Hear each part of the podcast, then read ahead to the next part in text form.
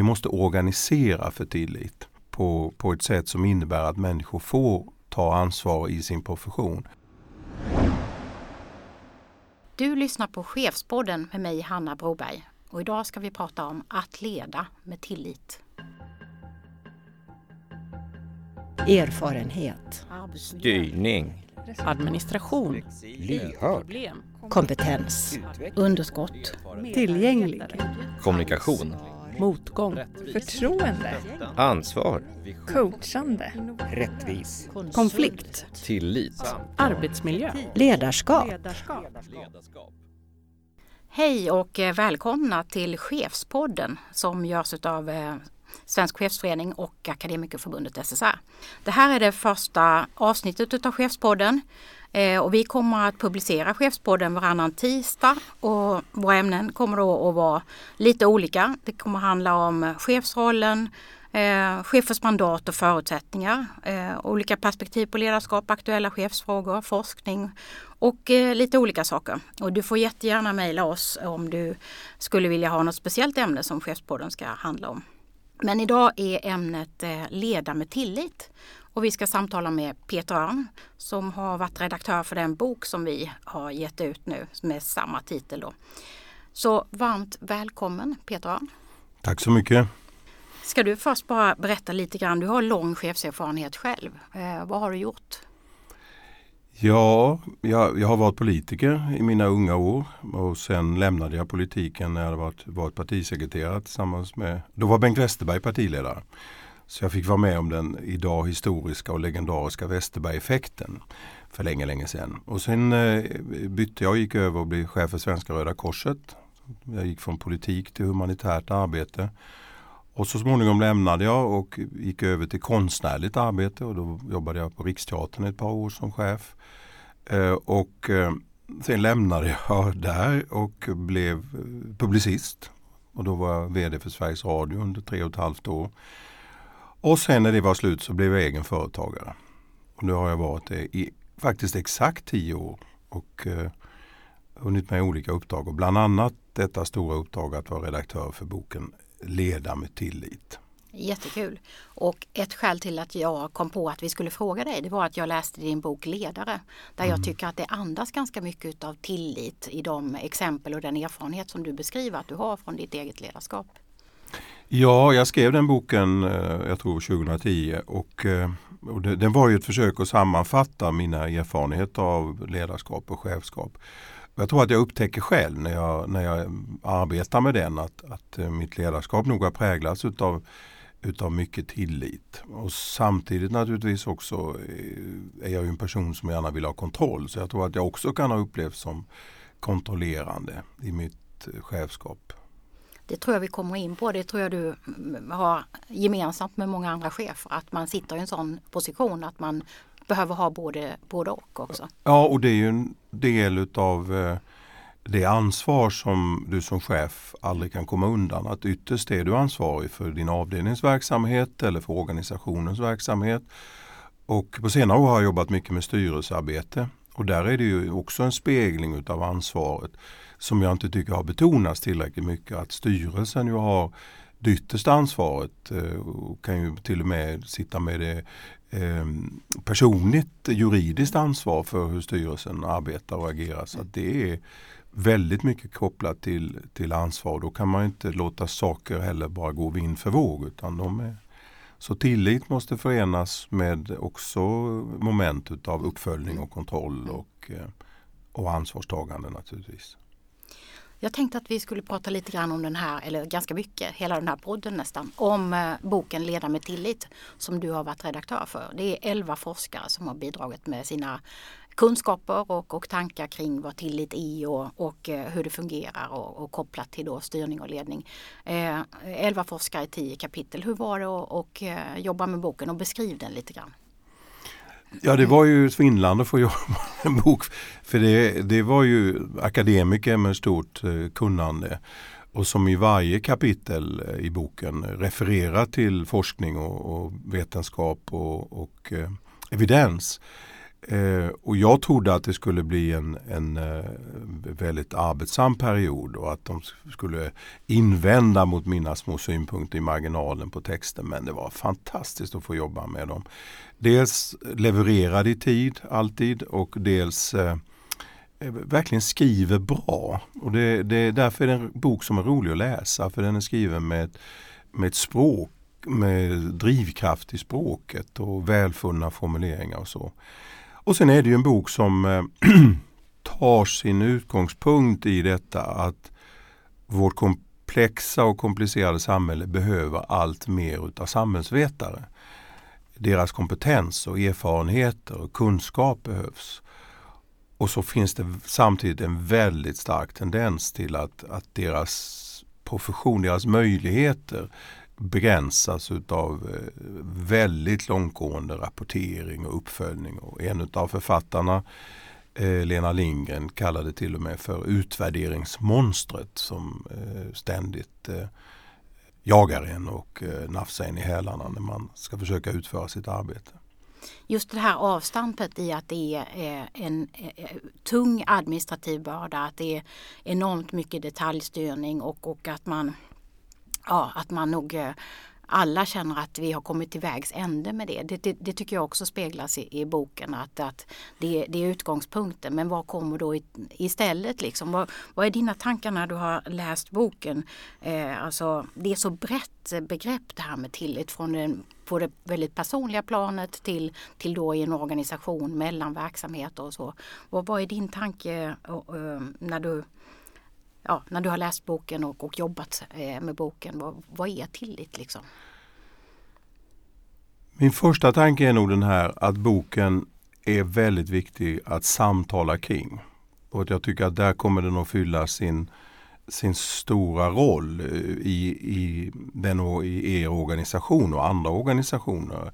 Att sitta ner och reflektera på arbetsplatser eller vad man nu gör kring vad betyder tillit för oss här? Vad är det vi ser som eh, för eh, rapportering eller för uppföljningsrutiner som vi uppfattar som helt meningslösa och, och eh, som vi kan kanske bidra till att sortera bort för att vi ska kunna ha mer fokus på det vi gör. Så det är en tanke jag får. En annan tanke är, som det är, och det är ett av kapitlen som handlar om det, och formulerat utav Klara Engnö. Det vi måste organisera för tillit. Och jag tror inte längre på organisationer där, som är så platta att en chef bara kommer att ägna sig åt Plattheten kan betyda då att man har kanske 30-tal personer som rapporterar till en. Och då är det fullständigt oöverskådligt och omöjligt att fungera som ledare och, och eh, kompass eh, och vara en kompass för verksamheten. För man belastas av administration och lägga scheman och rutiner och så. Eh, så att jag tror man måste organisera på, på ett sätt som innebär att människor får ta ansvar i sin profession. En tredje, en, en tredje viktig tanke det är att det måste finnas utrymme och det är flera av författarna som återkommer till det till reflektion i vardagen på sin arbetsplats. Att, vad, vad är det vi gör och varför gör vi det egentligen? Och så. Och jag som har jobbat inom medievärlden vet ju att eh, utrymmet för reflektion på en redaktion idag är mycket mindre än vad det var förut. Och därför riskerar man också att blåsa ut nyheter som man inte riktigt har, har eh, grundade i fakta utan som riskerar att man plockar upp någonting på nätet och så blir det en nyhet som ingen riktigt kan stå för och så ska man backa från den. Så reflektionen det, det, ett begrepp som, som jag vill tillfoga till, till tillit. Tillit kräver tid för reflektion och eh, eftertanke. Det, det, är ju ganska svårt med de förutsättningar som du ger exempel på som vi har medarbetare och chefer i våra organisationer. Eh, och, eh, I det första kapitlet så skriver också Erik Blemberg ut mer eh, etikperspektiv och, och, och försöka definiera just tillit att, att det är i grunden en slags eh, ja, en förväntansfull inställning tror jag han skriver till hur eh, medmänniskor som man möter i organisationen, hur de ska agera och, och den där förväntan att man liksom förväntar sig att det kommer att gå bra. I, i, men i praktiken när man sitter då som chef med alla de här ganska hårda kraven på vilka resultat som ska uppnås och, och, och, och eh, press tidsmässigt och, och kanske person, hög personalomsättning och så. Eh, och försvara beslut som kommer uppifrån absolut. som man inte klarar av för ofta är man mellanchef och så ja. kläms man. Ja, man, man, man, tvingas liksom mm. Till de besluten precis. Mm. Så, så, och så jobbar man i komplexa verksamheter. Det är nya saker som ska göras och så. Vad, vad, vad, innebär liksom tilliten tror du om man den här för, möjligheten faktiskt att vara förväntansfull och till, tillitsfull i, i sin chefsroll? Det måste vara ja, ganska svårt. Ja, det är ruggigt svårt. Vi har ju ganska många exempel i den här boken på offentlig verksamhet. Och det berör omsorg, utbildning, vård för ett antal av de här exemplen och det är många vardagsexempel. De är också politiskt styrda. Och jag tror att politiker har en eh, väldigt viktig uppgift i att gestalta och att uttrycka saker. Och jag tror att om den politiska ledningen uttrycker tillit till sina chefer inom förvaltningar och myndigheter. Om de uttrycker tillit till den personal som ska åstadkomma det som politikerna har fattat beslut om ska göras. Och om politikerna inte frestas att ständigt rycka in och slita ut saker och hålla upp och säga titta här, här har, här har man misslyckats inom den verksamhet som man ska stå för. Det här vill vi förändra och så. Då tror jag att, att man skulle som chef och som medarbetare inom verksamheten arbeta med mycket större trött, trygghet, inte trötthet. Motsatsen till trötthet. I, I det jag säger ligger att jag också tänker mycket på att chefer riskerar att bränna ut sig och medarbetare riskerar att bränna ut sig i den här typen av organisationer som inte präglas av tillit. Eh, men jag tror att politikers uppgift faktiskt är att, att gestalta tillit och att man är beredd att, för tillit är också kopplat till risk, att man är beredd att ta risken att, att medarbetare eller chefer och chefer misslyckas. Och när de gör det så har man attityden att jag ska inte, jag ska inte ta politiska poäng på, på misslyckande utan jag ska istället säga det här har vi, lär vi av. Men det är också svårt. Och det är väldigt svårt att vara politiker också i en tid där, där medierna hela tiden jagar och det ligger i medielogiken, eh, dina misslyckanden och, och vill eh, hålla upp dem för en offentlighet och dessutom tillkommer sociala medier som eh, är ju är väl så snabba med, med domarna. Och, och numera tycker jag att traditionella medier eller den, de gamla medierna de, de försöker ju fåfängt hänga med de sociala medierna och, och de villkor som är där. Och det, det, det tror jag är en farlig utveckling. Lite är ju svaret att det är, det är ganska svårt det här. Det är en lång resa att, att, att förändra de här eh, förutsättningarna som ser ut som de gör idag med både, både media och, och, och politiken då Eh, fungera eller tvingas fungera. Men, men med din bakgrund i politiken, vad, vad tror du?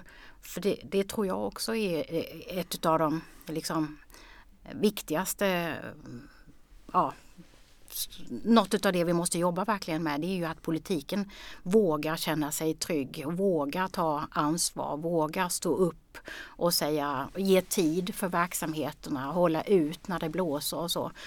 Och, och en, en av våra forskare lyfter ju också att det finns ju många andra sätt att, att styra eh, än, än de här ytterligare detaljregler, ytterligare kontroll, ytterligare administration och så. Vad, vad tror du krävs från politikens sida för att man ska komma dit hem? Du som har en bakgrund i politiken och tänker att vi kanske kan ge lite råd. Mm, ja, det är lite förmätet att ge råd. Eh, även om jag ju ibland säger att det var bättre för. Jo, Göran Sundström som är professor i statsvetenskap har skrivit en artikel eller ett kapitel i boken som handlar om, om eh, politisk styrning av myndigheter. Och där, där beskriver han en sak som jag känner igen men som ändå kom som en överraskning för mig att så mycket av politiken ju faktiskt litar på, på myndigheterna. politiken eh, eller förvaltningar, men han tar myndighets, det statliga perspektivet kan man säga. Politikerna pekar ut problem, samhällsproblem och så tillsätter man en, skapar man en myndighet för att hantera det. Och sen så går man inte in och liksom detaljstyr vad myndigheten ska göra. Man skriver regleringsbrev och sådär. Men det vilar ändå på en väldig tillit mellan politik och tjänstepersoner, ämbetsmannen om jag använder det gamla uttrycket. Och då menar Göran Sundström, rubba inte den tilliten genom att, eh, att skapa onödig byråkrati och sådär. Låt den finnas där. Och jag tycker det är, han formulerade väldigt, väldigt fint. Man, eh, just hur den här relationen, balansen mellan politiken och, och, och de som ska utföra politikens intentioner, att den måste och att den faktiskt vilar på tillit. Och att det har varit ett utav eh, de viktiga inslagen i svensk samhällsutveckling, att den finns där. Nu riskeras den. Eh, den riskeras av korruptionsärenden när myndigheter eller personer försöker sko sig. Den riskeras av när man inte kan hantera snabbt, snabbväxande digitalisering som Transportstyrelsen som jag utgår inte riktigt har förstått vad man har hållit på med och därför har man eh, hamnat i, i de situationer som man har gjort. Man har inte förstått eh, vidden av att man Eh, outsourcar eh, eller inte har kontroll på vad, vad register och så tar vägen någonstans. Ehm, så att det i ett snabbt växande samhälle, eh, utvecklat samhälle så finns det risk att också kunskapen försvinner och då kan riskera tilliten ytterst att vara den som eh, också undermineras. Och det är väl möjligen ytterligare en slutsats av mitt arbete med boken framförallt mitt eh, umgänge, läsumgänge med författarna.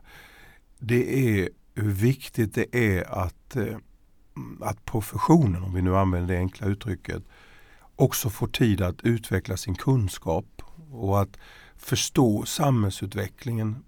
Leder du en myndighet eller arbetar inom en myndighet så måste du förstå hur samhällsutvecklingen påverkar myndighetens arbete. Ja, och jag vill lägga till en sak. Jag har ju också fått arbeta nu med Akademikerförbundet SSR här och jag tycker att det, det, det ni och era medlemmar står för det är ju också kunskapsutveckling och att eh, värdera kunskapen och se den som en eh, som en, en, ett verkligt viktigt verktyg i arbetet och att också och därmed så tycker jag det är viktigt att, eh, att politiken, om vi slutför det, det resonemanget, visar respekt för den kunskapen. Jag tror att det är mycket det som man vill känna som medarbetare, att man får respekt för sin kunskap.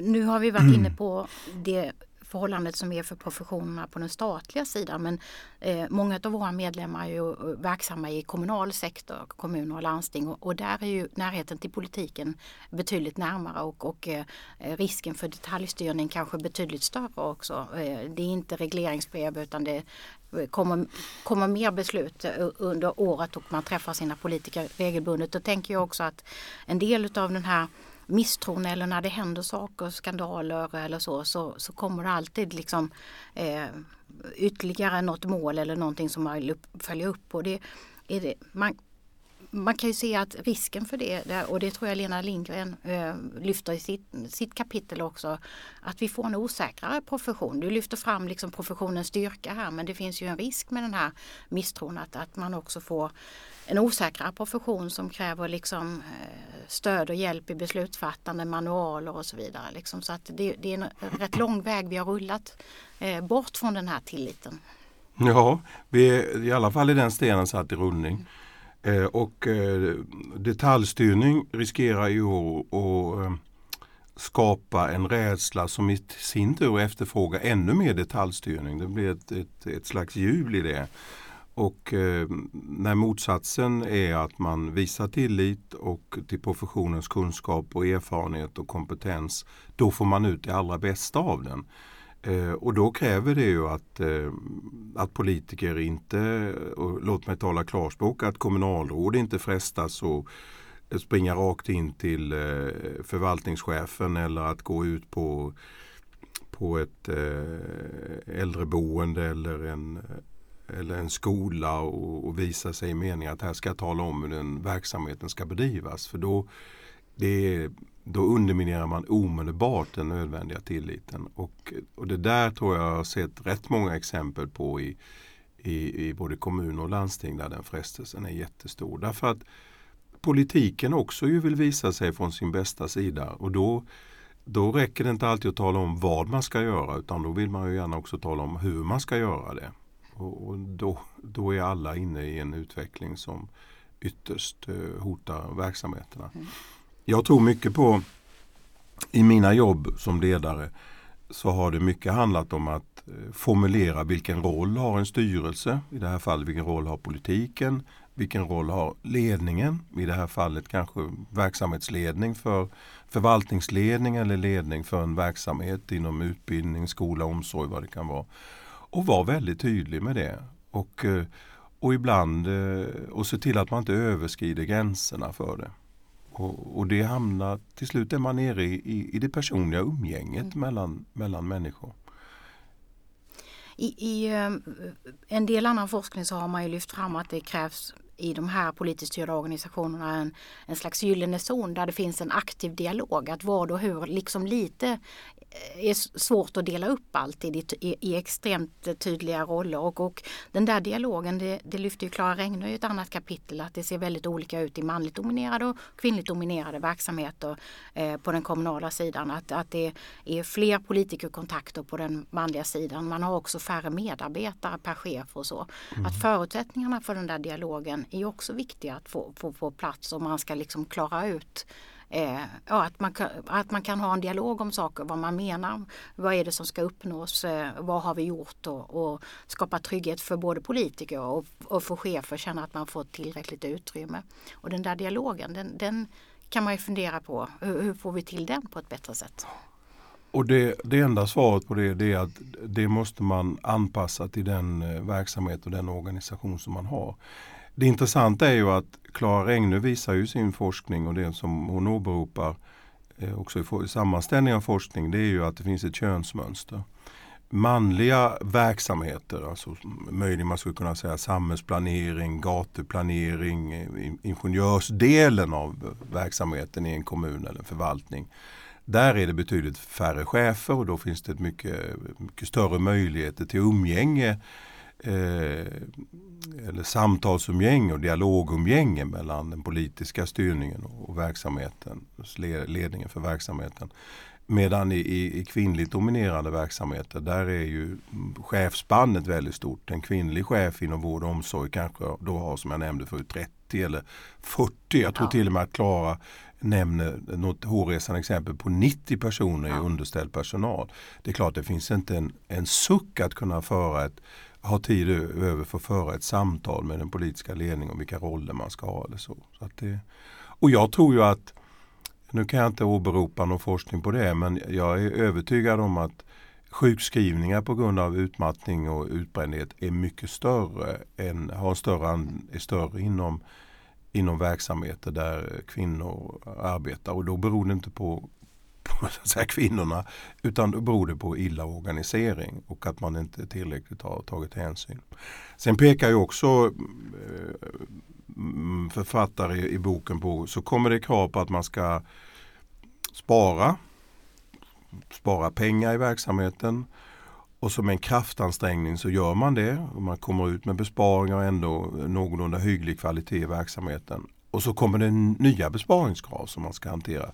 Det är klart att det där blir en känsla av att jag hela tiden föser stenen upp för branten och när jag är där uppe och ser ljuset så rullar stenen tillbaka igen och så får jag börja om igen. Det Så, jag ska uttrycka det rakt och enkelt, så får man inte hantera människor. Så får man inte hantera chefer, så får man inte hantera medarbetare. Du var inne på det lite i din inledning också att det är ju handlar om vad jag som chef kan förklara för mina medarbetare att vårt uppdrag är att man själv kan stå för det också. Jag tänkte på Och jag tror att många slutar därför att de inte längre kan stå för det. Ja, absolut. Nu pratar ju väldigt många om tillit. Man sätter stort hopp till att de här diskussionerna ska leda till förändringar och man vill både ha mindre administration och man vill få eh, bättre förutsättningar, mer utrymme för professionen och sådär. Men då finns det ju en del som höjer ett varnandes finger och så säger man att eh, eh det finns risk att det här blir ännu ett lager av ganska, vi redan har mängder av styr och ledningsmodeller som liksom ligger som någon slags eh, lager som, som, som puttrar upp utav eh, till och från och som, som vi inte längre har namn på men de ändå förekommer och faktiskt eh, har stor betydelse i våra verksamheter fortfarande. Blir tillit liksom ytterligare ett lager om det eh, på det sättet? Eller vad, vad tänker du? Ja, eh, jag vill be läsarna att eh, ta del av ett kapitel som är skrivet av Rolf Solly och, och, och eh, Sten Jönsson som handlar om detta hur managementteorier kommer och går. Och så, så, faller, så småningom likt löv faller de ner och så blir de en del av ett slags sediment. De finns där fortfarande men vi kan inte längre identifiera dem men på något sätt så påverkar de ändå. Och det finns ju risk att det blir likadant här. Och det är också ytterligare någon författare som varnar, eller flera författare som varnar för att Tror du inte att, att de här tillitsresonemangen heller är lösningen på allt? Utan det, vi kommer att, men det, det ger oss en, en, eh, en, en eftertanke och en strävan och sen kommer det inte heller att liksom vara, var, var den stora lösningen på allt. Men det, det för oss lite vidare jag skulle vilja formulera nästan en, en, det är som en väldigt tydlig signal till makthavare. Och många av dem är politiska makthavare. Det är det här, lita på professionens kunskaper, erfarenheter och kompetens. Gestalta den tilliten så tror jag också att man utifrån det sen kan organisera för tillit. Och man, har, man har ett förhållningssätt som gör det möjligt för oss och dig att rensa bort meningslös rapportering eh, som hjälper oss att eh, rensa bort meningslösa rutiner. Och med meningslöshet menar jag att de egentligen inte är kopplade till det som verksamheten är till för att utföra. Om man har den Eh, om man har den, det förhållningssättet och den inriktningen då tror jag att man har kommit en bra bit på väg. Och sen får man utforska det i varje organisation och på varje arbetsplats. Vad får det för, vad får det för, eh, för konsekvenser för oss och hur vill vi utforma organisation och verksamhet? Jag tror inte att vi liksom kan rita nya organisationsrutor och säga det här är de organisationsrutor som som motsvarar tillit utan det är väldigt mycket av ett förhållningssätt. Det är inne i organisationsrutorna kanske mer som processen kommer att ske oavsett hur de där rutorna ser ut? Ja, det är ett väldigt bra sätt att uttrycka det på. Väldigt bra sätt. För ofta tror vi att lösningen ligger i hur vi ritar rutorna. Mm. Men i själva verket är det så att vi är människor och vi förhåller oss till varann innanför rutorna. Mm. Ja, det var ett väldigt bra sätt att formulera det på. Jag tänker att vi ska titta lite utanför de rutorna som, som en avrundning på vårt samtal och, och då tänker jag att eh, Susanna Alexius lyfter också upp eh, i, i, sitt kapitel att, att vi ska inte tro att vi kan bli av med all administration och, och eh, all mätning och sådana saker, att vi inte får kasta ut barnet med badvattnet. För att det har ju också en betydelse för den som ytterst liksom är i behov av de här verksamheterna. För brukarna som ska känna liksom de ska känna tillit till att våra myndigheter och förvaltningar faktiskt fungerar väl, eh, sköts effektivt för de skattemedel vi stoppar in, att, att vi vet att det är likställighet i, i liksom hur man hanterar ärenden, att, att, att det är rättssäkerhet i det sätt man jobbar med och så. Och, och då tänker jag tillit ur ett, ur ett eh, eh medborgarperspektiv. Hur, hur, hur, hur, ser du att det ser ut idag och hur, hur, hur bör man tänka som profession för att vi ska liksom säkerställa tillit gentemot våra brukare och de vi möter i, i verksamheterna, de vi är till för? Ja, det är en jättesvår fråga. Vår bok, jag säger så med, med illa dold stolthet, har ju eh, ett det första kapitlet är skrivet av e- Erik Blenberg och handlar om av en ett forskare kring etik. Och han beskriver eh, olika definitioner kan man säga av tillit. Men det är ju ingen händelse att vi inleder boken med, eh, eller det är ingen slump snarare, det är ju en händelse, men det är ingen slump att vi inleder boken med, med att diskutera etiken. Därför att jag tror att det svaret på din fråga ligger mycket i att ha en levande diskussion om vilka värderingar är det vi ska vara bärare av, vi som arbetar inom verksamheterna. Nu har vi pratat så mycket värdegrund möjligen i, vår tid och det är ständigt återkommande. Vi ska diskutera vår värdegrund och så utmynnar det i en och annan formulering om vad vi ska vara bra på och vi ska stå för och sådär. Och så kan man raljera kring det men jag tycker mer att det tål att hedras ändå. Diskutera vilka värderingar, ha tid att reflektera i vardagen, se till att det finns avvikelserapportering som fungerar eh, i våra verksamheter. Varför gick det som det gjorde? Gjorde vi något fel? Och då kräver det också tid för reflektion. Och det kräver också att medarbetarna inte är anonyma för varann utan att det finns en tillit mellan medarbetarna och därmed också att man har gemensamma samlingar och ser varandra. Vilka är vi som jobbar i de här verksamheterna? Och eh, då ställer det också krav på att organisera för tillit. Men jag tror att det måste väldigt mycket genomsyras av värderingar och att vi jag som medarbetare i mötet med brukare, jag gestaltar någonting som är respekt för din värdighet som brukare och att jag eh, Kommer jag in i ditt hem så vet jag att det, det är inte min arbetsplats utan det är ditt hem som jag är i. Ska jag hjälpa dig som ju många inom den offentliga verksamheten och även annan verksamhet får göra. Ska jag hjälpa dig med, med dina allra mest intima delar av din vardag så måste jag göra det med en väldig respekt för din integritet och din värdighet. Och det får aldrig fallera och då måste vi ha tid som medarbetare att prata om vad innebär det? Vilka konsekvenser får det ytterst i mitt möte med andra? Då stannar det inte vid fraser och tomma ord utan då blir det gestaltad verklighet. Låter det flummigt, Hanna?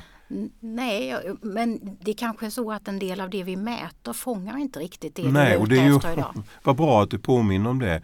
För det är ju också en del att mätningarna, och det, det visar flera av författarna, eh, det vi mäter är kvantitet men vi kan inte att det är så svårt i mätningen att fånga in det som är den innersta kvaliteten och som ligger i mötet mellan utförare och brukare. Eller jag som arbetat inom Röda Korset som ligger i, i mötet mellan den som är frivillig volontär och kommer hem till någon i en, i en, eh, i en människa i en, i, ett, i en social stödverksamhet. I det mötet sker någonting som inte går att mäta men som är kvaliteten. I våra fokusgrupper som vi har haft nu så lyfter ju också många ur professionen att de, de vill fortsätta mäta saker, de vill kunna visa vad de faktiskt åstadkommer. Och du var inne på också att eh, det vi mäter eh, eh, ja, att det måste kopplas till just förbättringsarbete. Mm. Att, liksom, att det faktiskt når de här effekterna, att vi arbetar på det sätt vi vill för att nå en, liksom god kvalitet. Det är, tror jag många drivs utav i sitt arbete, att det är det man vill åstadkomma. Eh, det är därför man har gått in i de jobb man har, har, gjort. Och det tycker jag är spännande att se att professionen faktiskt inte heller vill kasta ut saker men man upplever idag lite grann att mycket av det man registrerar eh, kommer aldrig tillbaka och, och, blir en del utav ens tankar om förbättring eller det försvinner i cyberrymden. Man mm. uppfattar inte att det jämförs och, och, att, man, ja, att man kan utveckla. Och att någon annan pratar om det man har åstadkommit. Och, ingen kommer, och att det är för, för, för sällan någon kommer tillbaka och pratar med dig om det. Och det kanske är så att man för sällan, det kan jag inte tillräckligt om men jag kan ändå spekulera i det, för sällan har möjlighet att prata med brukarna om hur de uppfattar mötet med, med eh, utförare eller med, med, ja, med en verksamhet om jag uttrycker det så enkelt. Det, och det är också svårt att mäta deras upplevelse av mötet. Tusen tack Peter för samtalet om att leda med tillit. Eh, jag tänker att det här kommer att ge massa spännande diskussioner hos många i arbetsgrupper, eh, bland våra medlemmar och, och eh, att vi får fortsätta jobba med vad tillit betyder i, i styrning och ledning, vad det betyder gentemot brukare som vi var inne nu på sist. Och ja, att vi kommer komma tillbaka till de här frågorna tillsammans med några av forskarna som finns med i boken. Ja, och jag är väldigt glad att jag har fått vara med och jobba med detta, denna bok. Och jag tror att jag skulle gärna läsa några rader, ett kapitel där Klara Regnö som avslutar, eh, som lyder så här, avslutar hennes kapitel. Tillit är en fråga om makt, skriver Klara Regnö. En förutsättning för att skapa tillit i en organisation är att arbetet organiseras på ett sådant sätt att ansvar och befogenheter hänger ihop. Det innebär att medarbetare och chefer har möjlighet att påverka förutsättningarna för det arbete de har ansvar för. Det kräver omsorgsfullt valda styrinstrument men också att arbetet organiseras så att det finns arenor för samtal där komplexiteten i verksamheten får synas och ta plats. Där chefer och medarbetare ges utrymme att vara experter på den verksamhet de leder och där deras expertis tas tillvara. De två styckena tycker jag sammanfattar väl vårt samtal. Tusen tack Peter. Tack.